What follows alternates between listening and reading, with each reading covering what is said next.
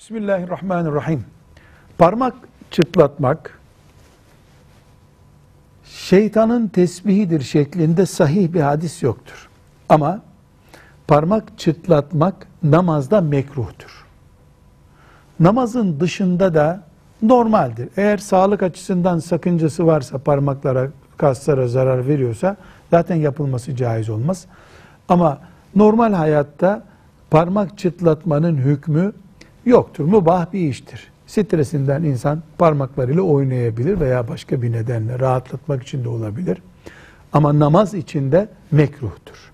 Şeytan tesbihidir parmak çıtlatmak şeklinde ise bilgi sahih hadis olarak elimizde yoktur. Velhamdülillahi Rabbil Alemin.